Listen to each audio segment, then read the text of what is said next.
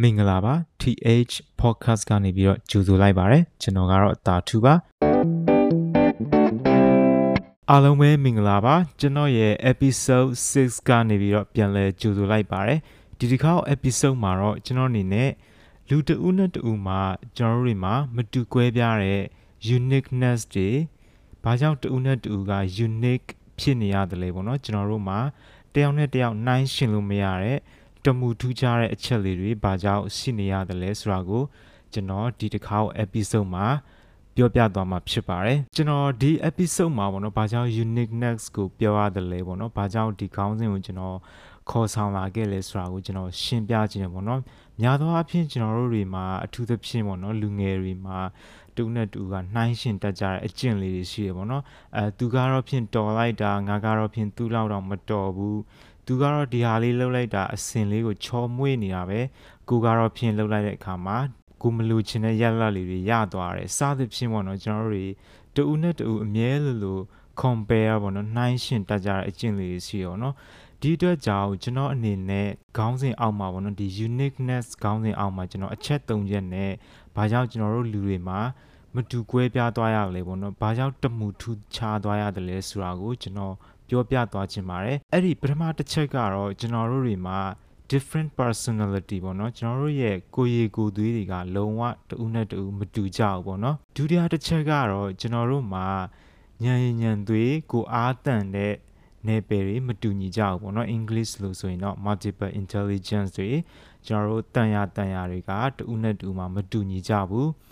နောက်ဆုံးတစ်ချက်ကတော့ backgrounds ပေါ့နော်ကျွန်တော်တို့ရဲ့နောက်ခံသမိုင်းကြောင်းကျွန်တော်တို့ဒီ value လောက်တဲ့ဟာတွေကျွန်တော်တို့စိတ်ပါဝင်စားတဲ့ဟာတွေကျွန်တော်တို့မှာဘယ်လိုစွမ်းရည်တွေရှိတဲ့အရာတွေကလေတူးနဲ့တူးမတူညီကြဘူးเนาะဒီအတွက်ကြောင့်လဲကျွန်တော်ဒီခေါင်းစဉ်လေးကိုတည်ဆောင်လာရခြင်းဖြစ်တယ်လို့ကျွန်တော်ပြောပြချင်ပါတယ်ဒီပထမအချက်ပေါ့နော် personality လို့ခေါ်တဲ့ကိုယ်ရည်ကိုယ်သွေးကဘာကြောင့်လူတဦးနဲ့တဦးမှာမတူညီကြရတယ်လဲပေါ့နော်ကျွန်တော်တို့ရဲ့ ကိုယ်ကိုယ်သေးတွေဘာကြောင့်ကွဲပြားရတယ်လဲဆိုတော့ကျွန်တော်တို့တွေတွေးခေါ်တဲ့ဒီတွေးခေါ်မှုတွေကတယောက်နဲ့တယောက်ကမတူဘူးပေါ့နော်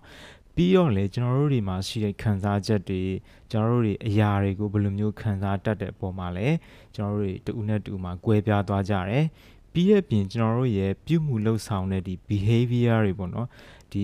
အပြုမှုတွေကလည်းတူနဲ့တူမှာမတူညီကြဘူးပေါ့နော်ဒီအတွက်ကြောင့်ကျွန်တော်ရဲ့ personality ကလည်းတယောက်နဲ့တယောက်တူဖို့ဆိုတာ ဒီထပ်တူကြဖို့ဆိုတာလုံးဝမဖြစ်နိုင်ဘူးเนาะကိုရီကိုသွေးပေါ့เนาะ English လို့ personality လို့ခေါ်တဲ့စကားလုံးကဘယ်ကနေဆင်းသက်လာတာလဲဆိုရင်ကျွန်တော်တို့ Latin ဘာသာစကား persona ကနေပြီးတော့ဆင်းသက်လာတာဖြစ်တယ်ပေါ့เนาะအဲ့မှာဆိုရင်တခိတခါကဇက်ယုံနေမှာဇက်ကောင်နေမှာတက်ရတဲ့မျက်နှာဖုံးတွေပေါ့နော်သူတို့လှုပ်ဆောင်ရမယ့်အပြုအမူတွေဇယိုက်လက္ခဏာတွေ အလိုက်ပေါ့နော်ကွဲပြားပြီးတော့သူတို့တက်ဆင်ရတဲ့မျက်နှာဖုံးတွေကလည်းဇက်ကောင်အလိုက်မှာကွဲပြားသွားတယ်ပေါ့နော်အဲ့တဲ့ကြောင့်သူတို့လှုပ်ဆောင်ရတဲ့အမှုအကျင့်တွေခံစားမှုတွေပြကွက်တွေပိဿကိုချပြတဲ့အခါမှာဆိုရင်ကွဲပြားသွားကြတယ်ပေါ့နော်ဒီအတွက်ကြောင့်လည်းကျွန်တော်ရဲ့ personality လို့ခေါ်တဲ့ဒီကိုယ်ရည်ကိုယ်သွေးသည်လူတဦးနဲ့တဦးမှာမတူကြတဲ့ဇယိုက်လက္ခဏာတွေကိုပြတဲ့မျက်နှာဖုံးလို့တော့ပြောလို့ရတယ်ပေါ့နော်ကျွန်တော်ရဲ့ဒီ personality က သူတည်တနာတွေအရာပေါ့နော်90ရာခိုင်နှုန်းကိုတော့ကျွန်တော်တို့မွေးဖွားလာတဲ့ကနဲ့ automatic ပါလာတဲ့အရာဖြစ်တယ်။ကျန်တဲ့90ရာခိုင်နှုန်းကတော့ကျွန်တော်တို့နေထိုင်ရာကြီးပြင်းရာပတ်ဝန်းကျင်ရဲ့ရမမှုကြောင့်ပေါ့နော်ကျွန်တော်တို့ရဲ့လှုပ်ဆောင်မှုတွေကလည်းတုံးနဲ့တူမတူကွဲပြားသွားရခြင်းဖြစ်တယ်ပေါ့နော်ဆိုတော့ဒီလိုအခြေအနေမျိုးတွေအောက်မှာကျွန်တော်တို့ရဲ့ခံစားချက်တွေအမြင်တွေ အပြုမှုတွေကတယောက်နဲ့တယောက်လုံးဝတူတော့မှာမဟုတ်ဘူးပေါ့နော်ဒီအတွက်ကြောင့်လည်းကျွန်တော်တို့တွေလုံးဝကိုနိုင်ရှင်လို့ရမှာမဟုတ်ပေါ့နော်ဆိုတော့ကျွန်တော်ဥပမာနဲ့ပြောပြရရင်ကျွန်တော်တို့ရဲ့ဒီတမိသားစုဝင်နေတဲ့မှာတော့မှဒီအကြိုက်ခြင်းမတူဘူးပေါ့နော်တယောက်ကဒါကိုကြိုက်မယ်တယောက်ကဒါကိုမကြိုက်ဘူးပြီးတော့လည်းအပြုအမူတွေအပြောအဆိုတွေနေထိုင်မှုပုံစံတွေကလည်းမတူညီကြဘူးပေါ့နော်တယောက်ကတော့ဖြင့်န ည်းနည်းအောက်ကိုဝင်ဝီလီဝါလာနေရတာကိုကြိုက်တယ်တယောက်ကတော့ဖြင့်အေးဆေးနေရတာကိုကြိုက်တယ်စသဖြင့်ပေါ့နော်ဒီတမိသားစုတွေမှာတော့မှကျွန်တော်တို့ဒီမတူကွဲပြားမှုတွေကိုကြုံတွေ့နေရတာပေါ့နော်နေ့စဉ်နဲ့အမျှခုနပြောသွားသလိုပဲမိသားစုတွေမှာတော့မှကျွန်တော်တို့တွေညှိရတယ်တိုင်ပင်ရတယ်ပြောရဆိုရတာရှိတယ်ပေါ့နော်ဒီအတွက်ကြောင့်ကျွန်တော်တို့တွေအပြင်ရောက်သွားရင်ဒီထက်တောင်ပိုပြီးတော့ရှုပ်ထွေးနိုင်နေပေါ့နော်။ဘာကြောင့်လဲဆိုတော့တယောက်နဲ့တယောက်ကနားလည်မှုကအချိန် တချို့ကတော့ဖြင့်အချိန်ယူရတယ်တချို့ကတော့ဖြင့်လွယ်လွယ်နဲ့ပြောတာနားဝင်တယ်သဘောပေါက်တယ်ပေါ့နော်တချို့ကတော့ဖြင့်နည်းနည်းလေးပြောလိုက်ရင်တော့စိတ်ဆိုးလိုက်ပြီးစိတ်တူသွားပြီးတချို့ကတော့လည်းပြောမနာဆိုမနာစသဖြင့်ပေါ့နော်အမြင်ကျဲတာအမြင်ကျင်းတာဒီလိုမျိုးတယောက်နဲ့တယောက်မှာရှိတဲ့အတွက်ကြောင့်ကျွန်တော်တို့အနေနဲ့မတူတာလေးတွေဖယ်ပြီးတော့ဒီတူတဲ့အချက်လေးတွေကိုကျွန်တော်တို့ဆုပ်ကင်ပြီးတော့ နေတဲ့တူဝါကိစ္စတွေကိုကျွန်တော်တို့လုပ်နေရတာဖြစ်တယ်ပေါ့နော်ကျွန်တော်ဆက်ပြီးတော့ပြောပြရရင်ပေါ့နော်ကျွန်တော်တို့တွေဒီ online ဒီ internet မှာပေါ့နော် personality test ဆိုပြီးတော့ဒီစာမေးပွဲစစ်တယ်လို့ပေါ့နော်ကိုယ့်ရဲ့ဒီကိုယ့်ရဲ့ကိုယ်သွေးကိုကဘယ်လိုလူစားလဲဆိုတာကိုကျွန်တော်တို့ test လုပ်လို့ရတယ်ပေါ့နော်ဆိုတော့ကိုအနေနဲ့တော့ဖြင့်ဒီ personality type ပေါ့နော်ဆိုတဲ့အခါမှာတခြားလူကဘယ်လိုမျိုး personality ရှိလဲဆိုတာကိုကိုသိသွားပြီဆိုရင်တော့ကိုအနေနဲ့သူနဲ့ဆက်ဆံရေးမှာနည်းနည်း adjust ကျွန်တော်တို့ထိန်းပြီးတော့သွားလို့ရတယ်ပေါ့နော်ထိန်းညှိပြီးတော့အာဒါလေးလှုပ်လိုက်ရင် तू ကတော့ဖြင့်အဆင်ပြေမှာမဟုတ်ဘူးဒီလိုလေးပြောလိုက်ရင်တော့ तू ကတော့အဆင်ပြေမယ်စသဖြင့်ကိုရီအနေနဲ့လည်းအချင်းချင်းအပေးအယူလုပ်လို့ရတယ်ပေါ့နော်ဒီအတွက်ကြောင့်ကျွန်တော်အကြံပေးတာကတော့ personality test ကိုဖြည့်ပြီးတော့ကိုကဘယ်လို personality အမျိုးအစားလဲဆိုတာကိုတွားပြီးတော့စစ်ဆေးတင်တယ်ပေါ့နော်ကိုယ့်ရဲ့ဒီ personality test ကိုဖြည့်ပြီးသွားလို့ရှိရင်ကိုကဒီအမျိုးအစားတစ်ခုကိုရသွားမှာပေါ့နော်ဒီအတွက်ကြောင့်ကိုကတော့ဖြင့်ဘာတွေကိုဆက်ပြီးတော့လှုပ်ဆောင်တင်လဲရှောင်းရန်ဆောင်ရန်လေးတွေကိုကျွန်တော်တို့ပို့ပြီးတော့တိလာရလိမ့်မယ်ပြီးတော့ကိုယ့်ရဲ့ဒီအားနေချက်အားသာချက်တွေကိုလည်းပို့ပြီးတော့တိလာတဲ့အခါမှာကိုယ့်အနေကတော့ဖြင့်ဒီအလုပ်နဲ့တင့်တော်တယ်ဒီအလုပ်ဆိုတော့အဆင်မပြေဘူးငါဒီ career ကိုရွေးတော့ကောင်းမယ်ငါဒီ နယ်ပယ်ကိုတော့ရွေးရင်အဆင်ပြေမှာမဟုတ်ဘူးစသဖြင့်ကိုယ့်အနေနဲ့ဟိုအထိန်ကိုနဲ့တွားလို့ရတယ်ပေါ့နော်ထိန်ညှိပြီးတော့လည်းတွားလို့ရတယ်ပေါ့နော်ကျွန်တော်ပြောပြသွားခဲ့တဲ့ဒီ personality အကြောင်းကိုအနည်းအကျဉ်းတော့သဘောပေါက်ပြီလို့ကျွန်တော်ထင်တယ်ပေါ့နော်ဒီအတွက်ကြောင့်ဒုတိယအချက်ဖြစ်တဲ့ multiple intelligence theory အကြောင်းကိုကျွန်တော်အနည်းငယ်ကျွန်တော်ဆက်ပြီးတော့ပြောပြသွားခြင်းပါတယ် multiple intelligence theory လို့ခေါ်တဲ့မြန်မာလို့ဆိုရင်တော့ကျွန်တော်ရဲ့ဉာဏ်ရည်ဉာဏ်သွေးတွေက ဘယ်နေပင်မှာအားတာလဲဘယ်နေပင်မှာတော့ဖြင့်အားနည်းလဲစသဖြင့်ပေါ့နော်ဥပမာဆိုရင်ဂီတပိုင်းကိုအားတာတာလားဒါမှမဟုတ်အတွက်အချက်သင်္ချာတို့သိပ္ပံတို့စတဲ့နေပယ်တွေမှာအားတာတာလားပေါ့နော်ဒါမှမဟုတ်ဒီလူကတော့ဖြင့်ဒီအားကစားနဲ့ပတ်သက်ပြီးတော့ပို့ပြီးတော့ဟာလာအားတာတာလားစသဖြင့်ကျွန်တော်တို့တွေလူတွေမှာတယောက်နဲ့တယောက် ဒီအားတာချက်တွေအားနည်းချက်တွေမတူကြဘူးပေါ့နော်ဒီ theory လေးကိုတော့စိတ်ပညာရှင်ဟိုဝါဂါနာကနေပြီးတော့လေ့လာတွေ့ရှိထားတယ်ပေါ့နော်သူ့ရဲ့ theory မှာဆိုရင်မတူကွဲပြားတဲ့ဉာဏ်ဉာဏ်သွေးနယ်ပယ်ကြီး၈ခုရှိတယ်ပေါ့နော်လူတယောက်ချင်းစီမှာသူတို့သက်ဆိုင်ရာအလိုက်ပေါ့နော်သက်ဆိုင်ရာဉာဏ်ဉာဏ်သွေးနယ်ပယ်တစ်ခုမှာတော့ သူတို့ကထူးချွန်ထက်မြက်ကြတယ်ပေါ့နော်ကျွန်တော်အနေနဲ့ဒီနယ်ပယ်ကြီး၈ခုစလုံးကိုပေါ့နော်တစ်ခုချင်းစီအလိုက်ကျွန်တော်ရှင်းပြသွားမှာဖြစ်တယ်ပေါ့နော်ပထမဆုံးအနေနဲ့ကတော့ visual spatial intelligence လို့ခေါ်ရပေါ့နော်အဲ့ဒါကတော့ဒီ visual ဘိုင်းမှာဒီအမြင်အာရုံဘိုင်းမှာအရန်ကိုမှတော်လွန်တဲ့လူတွေပေါ့နော်ဥပမာဆိုသူတို့တွေကမြေပုံတွေဒီ charts တွေပေါ့နော်ပြီးရင် video တွေနဲ့ရုပ်ပုံတွေကိုသူကအရန် တော်တယ်ပေါ့နော်ကြည့်တဲ့နေရာမှာရောအဲ့လို memorize လုပ်တဲ့နေရာမှာရောအရန်တော်တယ်ပေါ့နော်ဥပမာဆိုရင်သူတို့ရဲ့အားသာချက်ကကျွန်တော်တို့ဒီအပုံလေးကိုကြည့်လိုက်ပြီးတော့ဒီအပုံနဲ့ပတ်သက်ပြီးတော့ဟိုဖြန့်ကျက်ပြီးတော့တွေးတောနိုင်စွမ်းရှိတယ်ပေါ့နော်ဆိုတော့ဒီလူတွေအနေနဲ့သူတို့ကအရန်စာဖတ်ရတာကြိုက်တယ်စာရေးရတာအရန်ကြိုက်တယ်ဒီ puzzle လေးတွေကိုလည်းကျွန်တော်တို့ဒီ set ရတာကိုအရန်ကြိုက်တယ်ပေါ့နော်ဥပမာဆိုရင်သူကဒီပုံလေးတွေကိုကြည့်ပြီးတော့ကျွန်တော်တို့ဒီပုံမြင်လေးတွေပြောရတာတို့ graph လေးတွေဆွဲရတာတို့ chart လေးတွေရေးရတာတို့သူတို့အနေနဲ့လည်းဒီအပုံလေးတွေဒီပကြီဆွဲရတာလည်းအရန်ဝါသနာပါတယ်ပေါ့နော်ဆိုတော့ဒီလူတွေအနေနဲ့ဒီကျွန်တော်တို့အလောက်အကင်နေပဲတွေကြတော့ဘာတွေလောက်တာများလဲဆိုတော့ဒီဘိတုကပညာရှင်တွေ ပြီးတော့ဒီအမှုပညာသမားတွေဒါမှမဟုတ်ကျွန်တော်ဒီ engineer တွေလည်းဒီ level ကလူတွေလို့ကျွန်တော်ပြောလို့ရတယ်ပေါ့နော်ဒုတိယ level တစ်ခုကကျွန်တော် linguistic verbal intelligence ပေါ့နော်ကျွန်တော်ဒီ level မှာကတော့လူတွေကဘယ်မှာအားတာကြလဲဆိုတော့ဘာသာစကားပိုင်းဒီစကလုံးပိုင်းမှာအရန်ကိုအားတာကြတယ်ပေါ့နော်သူတို့အနေနဲ့စာရေးရတာတွေစာဖတ်ရတာတွေဒီကြပန်စကားပြောတာတွေလူတွေကိုဆွဲဆောင်မှုစစ်စစ်နဲ့စကားပြောတာတွေကျွန်တော်တို့ သူတို့စကားပြောလိုက်တဲ့အခါမှာလဲဟာတညံလေးတွေဒီစကလုံးအတုံးနှုံးလေးတွေကအစဒီပို့ပြီးတော့ဖွဲနှဲ့ပြီးတော့ပြောတတ်တဲ့ဆိုတတ်တဲ့လူတွေပေါ့နော်ဆိုတော့ဒီလူတွေကဘယ်လိုမျိုးဒီအလုတ်နယ်ပယ်တွေမှာလောက်ကြတာများလဲဆိုတော့စာရေးဆရာအနေနဲ့လောက်တာတို့ဒီစာနယ်ဇင်းသမားပေါ့နော် journalist တွေပြီးတော့ lawyer တွေဆရာတွေပေါ့နော်အဲ့ဒီနယ်ပယ်ကဒီဒီလှုပ်တဲ့လူတွေကတော့လုံးဝကိုဒီ ဘာသာစကားပိုင်းအားတာတဲ့လူတွေလို့ပြောလို့ရတယ်ပေါ့နော်တတိယနယ်ပယ်ကတော့ကျွန်တော် logical mathematical intelligence ပေါ့နော်ဆိုတော့ဒီနယ်ပယ်မှာရှိတဲ့လူတွေကတော့လုံးဝကိုမှ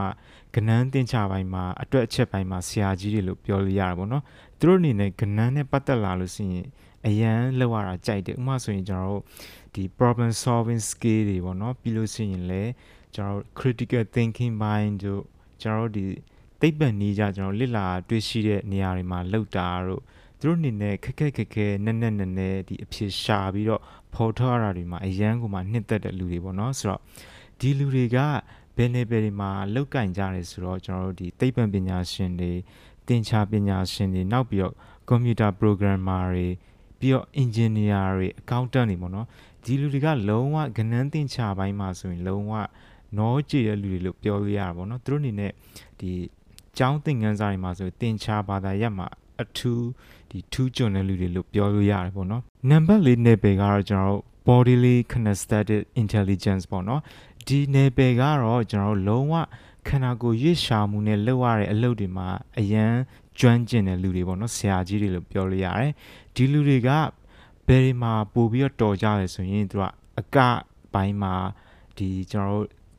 အားကစားပိုင်းမှာပြီးလို့ရှိရင်ကျွန်တော်တို့ဒီလက်နဲ့လှုပ်ရတဲ့အလုပ်လေးတွေမှာလက်တွေ့လှုပ်ရတဲ့အလုပ်လေးတွေမှာဆိုရင်အရန်ကိုမှထူးကျွန်းကြတာပေါ့နော်ဥမာဆိုရင်သူတို့အနေနဲ့ဒီဘယ်တွေမှာပို့ပြီးတော့အလုပ်တွေလုပ်ကြလဲဆိုရင်ကားခြေတယ်တွေကျွန်တော်တို့ဒီ builder တွေပေါ့နော်ဒီတခုခုတီဆောက်ရတာတို့အိမ်ဆောက်ရတာတို့ကျွန်တော်ဒီပပုပကြီးပပုပိုင်းမှာအရန် လောက်ရတာဝါသနာပါတာတို့ပြီးလို့ရှိရင်ကျွန်တော်တို့ဒီတရုပ်ဆောင်ပိုင်းတွေမှာလည်းဝါသနာပါကြတယ်ပေါ့နော်နံပါတ်5ကတော့ musical intelligence ဘိုင်းပေါ့နော်ကျွန်တော်တို့ဒီနယ်ပယ်ကလူတွေကတော့ကျွန်တော်တို့ဂီတဘိုင်းကိုလုံးဝနောကြည့်စွာသိထားတဲ့လူတွေပေါ့နော်ကျွန်တော်တို့ဒီတချင်းဆိုတဲ့နေရာတွေမှာတီးခတ်တယ်တန်စင်တွေကိုတီးခတ်တယ်ဂီတာတွေပီယိုနိုတွေစတဲ့ဒီ musical instrument တွေကိုအရန်ကျွမ်းကျင်တီးနိုင်ခတ်နိုင်တယ်ပေါ့နော်ပြီးလို့ရှိရင်လည်း ဒီ music notes တွေကိုလုံးဝကျွမ်းကျင်စွာဖတ်နိုင်တယ်ကျွန်တော်စီချက်ဝါချက်တွေစတဲ့ဒီ musical structure တွေကိုလည်းဒီလုံးဝနားလည်မှုကသူများထက်စာရင်ပို့ပြီးတော့မြန်ဆန်တယ်ပေါ့နော်ဆိုတော့ဒီလူတွေကဘယ်လိုအလုပ်မျိုးတွေမှာလုပ်ကြလဲဆိုရင်ကျွန်တော်တို့ဒီ musician တွေကျွန်တော်တို့တေးရေးတေး show ပိုင်းတွေကျွန်တော် music ဆရာတွေဆရာမတွေပြန်လုပ်တယ်ပေါ့နော်ပြီးလို့ရှိရင်လည်းဂီတမူတွေစသဖြင့်ဒီလို level တွေမှာသူတို့က ကျွမ်းကျွမ်းကျင်ကျင်နဲ့ပြန်လည်လောက်ကင်ကြတာကိုကျွန်တော်တွေ့ရမှာဖြစ်တယ်ပေါ့နော်နံပါတ်6ကတော့ကျွန်တော်ဒီ interpersonal intelligence ပေါ့နော်ဒီနယ်ပယ်ကလူတွေတော်တော်များများကတော့ကျွန်တော်တို့ဒီတခြားလူရဲ့ခံစားချက်တွေတခြားလူအပေါ်ကို မြင်တဲ့အမြင်တွေမှာလုံးဝထူးချွန်တယ်ထက်မြက်တယ်ပေါ့နော်။ဘာကြောင့်လဲဆိုတော့သူတို့ကတခြားလူရဲ့ခံစားချက်တွေတခြားလူဒီစကားတခုံပြောလိုက်မယ်ဆိုရင်သူကဘာဆိုလိုတာလဲဆိုတာကိုသူကတောက်တောက်တောက်နဲ့တန်းသိတယ်ပေါ့နော်ဒီအတွက်ကြောင့်သူတို့အနေနဲ့ဒီမိတ်ဖွက်တာတွေကျွန်တော်တို့ဒီတငယ်ချင်းတွေဖွက်တာတွေမှာအရန်တော်တယ်ပြီးလို့ရှိရင်လည်းကျွန်တော်တို့ဒီအခြေအနေကိုဘက်ပေါင်းစုံကနေကြည်တက်တဲ့လူတွေပေါ့နော်ပြီးလို့ရှိရင်လည်းကျွန်တော်တို့ဒီပြဿနာတွေကိုဟလာဖြေရှင်းလို့ရတယ် လုံးဝပြဿနာတွေပြပြလဲလဲဂျားဝင်ပြီးတော့ပြန်ပြီးတော့ဖြေရှင်းပေးနိုင်တဲ့လူတွေပေါ့နော်ဆိုတော့ဒီလူတွေကဘယ်လိုအလုပ်မျိုးတွေလုပ်ကြလဲဆိုရင်စိတ်ပညာရှင်တွေကျွန်တော်တသနိကဗေဒပညာရှင်တွေကျွန်တော်တို့ဒီအတိုင်ပင်ခံတွေပေါ့နော်ကျွန်တော်တို့ counselor တွေ sales person တွေပြီးလို့ရှိရင်လည်းကျွန်တော်တို့နိုင်ငံရေးသမားတွေကဒီနယ်ပယ်ကလူတွေတော်တော်များတယ်ပေါ့နော်နံပါတ်9ကတော့ကျွန်တော်တို့ဒီ intrapersonal intelligence လို့ခေါ်ရပါတော့ ဒီနယ်ပယ်ကလူတွေကတော့မိမိကိုကိုကိုကိုကိုပို့ပြီးတော့တည်တဲ့လူတွေပေါ့နော်ပြောမှဆိုရင်ကိုယ့်ရဲ့အားနည်းချက်တွေအားသာချက်တွေကိုသူတို့ကပို့ပြီးတော့မြင်တတ်တယ်ပြီးလို့ရှိရင်လည်းသူတို့ကဘယ်အခြေအနေရောက်သွားရင်ဘယ်လိုမျိုးတုတ်ပြန်ရမလဲငါဒီဒီအခြေအနေမှာဆိုရင်ဒါမျိုးလှုပ်တင်ပါလားဒါလေးကတော့ဖြစ် မလုပ်သင့်ပါလားစသည်ဖြစ်မို့နော်သူတို့ကိုသူတို့အယမ်းကိုတိတက်တဲ့လူတွေလို့ပြောလို့ရတယ်ပေါ့နော်ပြီးလို့ရှိရင်လည်းသူတို့က self awareness ပို့ပြီးတော့ရှိတယ်ပေါ့နော်သူတို့လက်ရှိဘာတွေခံစားနေရလဲသူတို့ကဘာကြောင့်ဒီခံစားချက်ကြီးဖြစ်နေရတာလဲစတဲ့ဒီ awareness ကအယမ်းသူများရဲ့တဲ့ရှင်ပို့ပြီးတော့မြင့်တယ်ပေါ့နော် ဒီလူတွေကဘယ်လိုနယ်ပယ်တွေမှာအလုပ်လုပ်ကြတာများလဲဆိုရင်ကျွန်တော်တို့အတွေးခေါ်ပညာရှင်တွေဒီစာရေးဆရာတွေကျွန်တော်တို့ဒီသိပ္ပံပညာရှင်တွေကလည်းဒီကိုကိုကိုပိုတီးတဲ့လူတွေလို့ပြောလို့ရတယ်ပေါ့နော်နောက်ဆုံး number 8ကတော့ကျွန်တော်တို့ naturalistic intelligence လို့ခေါ်ရဲကျွန်တော်တို့ဒီတဘာဝပတ်ဝန်းကျင်ကိုအကျွမ်းတဝင်ရှိတဲ့လူတွေလို့ပြောလို့ရတယ်ပေါ့နော် သူတို့တွေရဲ့အားသာချက်ကတော့ကျွန်တော်တို့ဒီယုတ်ခဗေဒတွေဇီဝဗေဒတွေတိရစ္ဆာန်ဗေဒတွေမှာတိရစ္ဆာန်ဗေဒတွေကိုလေ့လာရတာကိုအရန်ကြိုက်တဲ့လူတွေပေါ့နော်ပြီးလို့ရှိရင်လည်းသူတို့အနေနဲ့ကမ်ပြီးသွားတာတွေကျွန်တော်တို့ဥယျာဉ်ခြံတွေလောက်ရတာကိုကြိုက်တယ် ဒီတောင်တက်ရတာကိုကြိုက်တယ်ပြီးလို့ရှိရင်လည်းကျွန်တော်တို့ဒီ outdoor ခရီးတွေသွားတာတွေမှာအရန်နှစ်သက်တဲ့လူတွေပေါ့နော်သူတို့မကြိုက်တဲ့အရာတွေကတော့ကျွန်တော်တို့ဒီတဘာဝပတ်ဝန်းကျင်နဲ့ဆက်နွယ်မှုမရှိတဲ့အကြောင်းအရာတွေကိုသင်ရတာကိုလုံးဝမကြိုက်ဘူးပေါ့နော်ဘာကြောင့်လဲဆိုတော့ဒီဟာဒီဘာမှပြန်သုံးလို့မရတဲ့ဟာပေါ့နော်ကျွန်တော်ဒီနယ်ပယ်မှာစိတ်ဝင်စားတဲ့လူတွေကတော့ဘယ်လိုအလုပ်မျိုးတွေကိုလုပ်ကြလဲဆိုရင်သူတို့ကဇီဝဗေဒပညာရှင်တွေပြီးလို့ရှိရင်လည်းတဘာပတ်ဝန်းကျင်ထိန်းသိမ်းစောင့်ရှောက်တဲ့လူတွေပေါ့နော် ပြီးလို့ရှိရင်ကျွန်တော်ဒီဥယျာဉ်ကြံမြေတွေစိုက်ပြရတာတွေကိုအရန်နှင်သက်ကြတယ်တောင်သူလယ်သမားဦးကြီးတွေပေါ့နော်ဥပမာဆိုရင်ကျွန်တော်တို့စိုက်ပြရတာတွေဒီမွေးမြူရေးတွေလောက်ရတဲ့နေရာတွေမှာအရန်တဲကြွစွာလောက်ကင်နေတဲ့လူတွေပေါ့နော်ဆိုတော့ကျွန်တော်ပြောသွားခဲ့တဲ့ Gardner ရဲ့ညဉ့်ညဉ့်သွေးနေပယ်ကြီးရှစ်ခုစလုံးကိုနားထောင်ပြီးတဲ့အခါမှာတော့ပြည်သက်တွေအနေနဲ့ဘာကြောင့်လူတွေကသက်ဆိုင်ရာနယ်ပယ်မှာအရင်ထူးချွန်ကြလဲဒါမှမဟုတ်အားနေကြလဲဆိုတာကို မြင်အောင်ပြီးတော့နားလည်မယ်လို့ကျွန်တော်ယူဆတယ်ပေါ့နော်နားထောင်နေတဲ့ပြည်သက်ကရောကိုယ့်ရဲ့ထူးချွန်တဲ့နယ်ပယ်ကဘယ်နယ်ပယ်လဲဆိုတာကိုသိပြီးပြီလားမသိသေးဘူးဆိုရင်တော့ကျွန်တော်တို့အနေနဲ့ internet ကိုတွားပြီးတော့ intelligence ဒီ test တွေကိုဖြေလို့ရတယ်ပေါ့နော်သို့တော်လည်းအဲ့ဒီ test တွေကတော့ Gartner ထုတ်ထားတဲ့ official test တွေတော့မဟုတ်ဘူးပေါ့နော်သို့တော်ညာလည်းတနည်းတစ်ဖုံအထောက်အကူပြုမယ်လို့တော့ကျွန်တော်ထင်တယ်ပေါ့နော်နောက်ဆုံးအချက်အနေနဲ့ကျွန်တော်ပြောပြချင်တာကတော့ကျွန်တော်လူတွေမှာပေါ့နော်တူးနဲ့တူးမှာဒီမတူကွဲပြားတဲ့ဒီစံတန်ဖိုးထားမှုတွေရှိကြတယ်ပေါ့နော်ပြောချင်တာကတော့ကျွန်တော်လူတူးမှာကတော့ဖြင့်သူကပညာရေးကိုအရန်တန်မိုးထားတယ်ပေါ့နော်သူရဲ့ဘဝမှာပညာရေးကနံပါတ်1 ထားလိုက်ပါစို့ဒီအတွက်ကြောင့်သူ့အနေနဲ့ပညာရေးမှာဆုံးငန်းတိုင်အောင်ပညာရေးစီးပူးမယ်ပြီးရင်လည်းသူကအလုတ်လုတ်ကင်မယ်ပေါ့နော်ဆက်လက်ပြီးတော့လည်းသူကအမြဲတမ်းပညာတွေကိုဆက်လက်လေ့လာနေမယ်တခြားဒီပညာရေးနဲ့ပတ်သက်တဲ့လုပ်ငန်းတွေမှာလည်းသူကအရန်တက်ကြွစွာလှုပ်ဆောင်မယ်ပေါ့နော်နောက်တူကတော့ကျွန်တော်တို့ဒီကျမ်းမာရေးနဲ့ပတ်သက်ပြီးတော့သူကအရန်တန်ဖိုးထားတဲ့လူပေါ့နော်။ तू ကသူ့ရဲ့ဘဝမှာကျမ်းမာရေးကနံပါတ်1ဖြစ်တဲ့အတွက်ကြောင့် तू က ကျမ်းမာရေးနဲ့ညီညွတ်တဲ့အလေးထားတွေနဲ့နေထိုင်မယ်။ကျမ်းမာရေးနဲ့ညီညွတ်တဲ့အစာအသောက်တွေကို तू ကစားတောက်မယ်။ပြီးတော့လေတခြားလူတွေကိုကျမ်းမာရေးနဲ့ပတ်သက်တဲ့အဲကျွန်တော်ဘ ഹു တုတတွေကိုဝေမျှမယ်ဘယ်လိုနေထိုင်ရမလဲစသဖြင့်ပေါ့နော်ဒါအပြင်သူကကျမ်းမာရေးနယ်ပယ်မှာလည်းဒီယာရုတစ်ခုခု ဒီရထားပြီးတော့မှလူတွေကိုပြန်ပြီးတော့အကျိုးပြုနေမယ်စသဖြင့်ပေါ့နော်အဲတခြားလူကတော့ဖြင့်ကျွန်တော်တို့ဒီမိသားစုကသူ့ရဲ့ဘဝမှာနံပါတ်1ဖြစ်ဖြစ်လိမ့်မယ်ပေါ့နော်တန်ဖိုးထားတာချင်းမတူကြဘူးပေါ့နော်ဒီအတွက်ကြောင့်သူကမိသားစုကိုတန်ဖိုးထားတဲ့လူကအဲမိသားစုကိုအမြဲတမ်းဆက်သွယ်နေတတ်မယ်အဲမိသားစုဝင်တွေထဲမှာဘာတွေဖြစ်ပျက်နေလဲပေါ့နော်သူအနေနဲ့ဘာတွေကိုကူညီပေးရမလဲ အမေဖေနေကောင်းကြရလားစသဖြင့်သူကမိသားစုနဲ့ဆိုင်တဲ့အရေးကိစ္စတွေမှာသူကတက်တက်ကြွကြွနဲ့ကိုယ်တိုင်ကိုကြအရန်ကူညီပေးတတ်တဲ့လူတို့ပြောလို့ရတာပေါ့နော်ဒီအတွက်ကြောင့်ကျွန်တော်တို့လူတွေမှာစံတန်ဖိုးထားမှုတွေမတူညီကြဘူးပေါ့နော်ပြီးတော့လေကျွန်တော်ဒီ ကိုယ့်ရဲ့စိတ်ပါဝင်စားမှုတွေဝါသနာပါရဒီလောက်ကင်တဲ့ကျွန်တော်တို့အရာတွေကလည်းတူးနဲ့တူးမတူညီကြဘူးပေါ့နော်ဒီအတွက်ကြောင့်လည်းကျွန်တော်တို့တစ်ခါတလေမှဆိုသဘောထားတွေမတူကြတာတွေရှိတယ်ပေါ့နော်သဘောထားမတိုက်ဆိုင်တာတွေရှိမယ်ခါလေအခြေတင်လေးတွေဖြစ်ကြမယ်ပေါ့နော်စသဖြင့်ဒီလိုဖြစ်လာရခြင်းကလည်းကျွန်တော်တို့တွေတူးတယောက်ရဲ့စံတန်ဖိုးတွေမတူညီကြဘူးတန်ဖိုးထားမှုတွေမတူညီကြဘူးပေါ့နော်ဆိုတဲ့အတွက်ကြောင့်ကျွန်တော်တို့နားလေပေးရမှာပေါ့နော်ကိုနဲ့ဒီ အမြင်မတူဘူးဆိုရင်လည်းကျွန်တော်တို့လက်ခံပေးလိုက်မယ်။ तू က तू တန်ဖိုးထားတာတစ်မျိုးပေါ့နော်ဆိုတော့ तू တန်ဖိုးထားတာဒီကိုနဲ့မတူရဘူးကောင်းမလားဆိုပြီးတော့လေကျွန်တော်တို့သူ့အပြစ်သွားတင်လို့မရဘူးပေါ့နော်ဒါဒီသူ့ရဲ့ဘဝမှာသူယူဆတာတဲ့တန်ဖိုးပေါ့နော်ကဲဒါဆိုရင်တော့ကျွန်တော်ပြောပြသွားတဲ့အချက်လေးတွေကိုနားထောင်ရင်းနဲ့ဘာကြောင့်လူတွေမှာသူမတူတဲ့အချက်လေးတွေရှိနေရတယ်လဲ ဘာကြောင့်တူနဲ့တူမတူကွဲပြားရတယ်လဲဆိုတာတွေကိုအကြံပြင်းသဘောပေါက်ပြီလို့ထင်ပါတယ်။ဆက်လက်ပြီးတော့လည်းနောင်လာမယ့် podcast တွေကိုလက်မလွတ်ရအောင်ကျွန်တော်ရဲ့ channel လေးကို subscribe follow လုပ်ထားပေးဖို့တောင်းဆိုချင်ပါတယ်အားလုံးကိုကျေးဇူးအများကြီးတင်ပါတယ်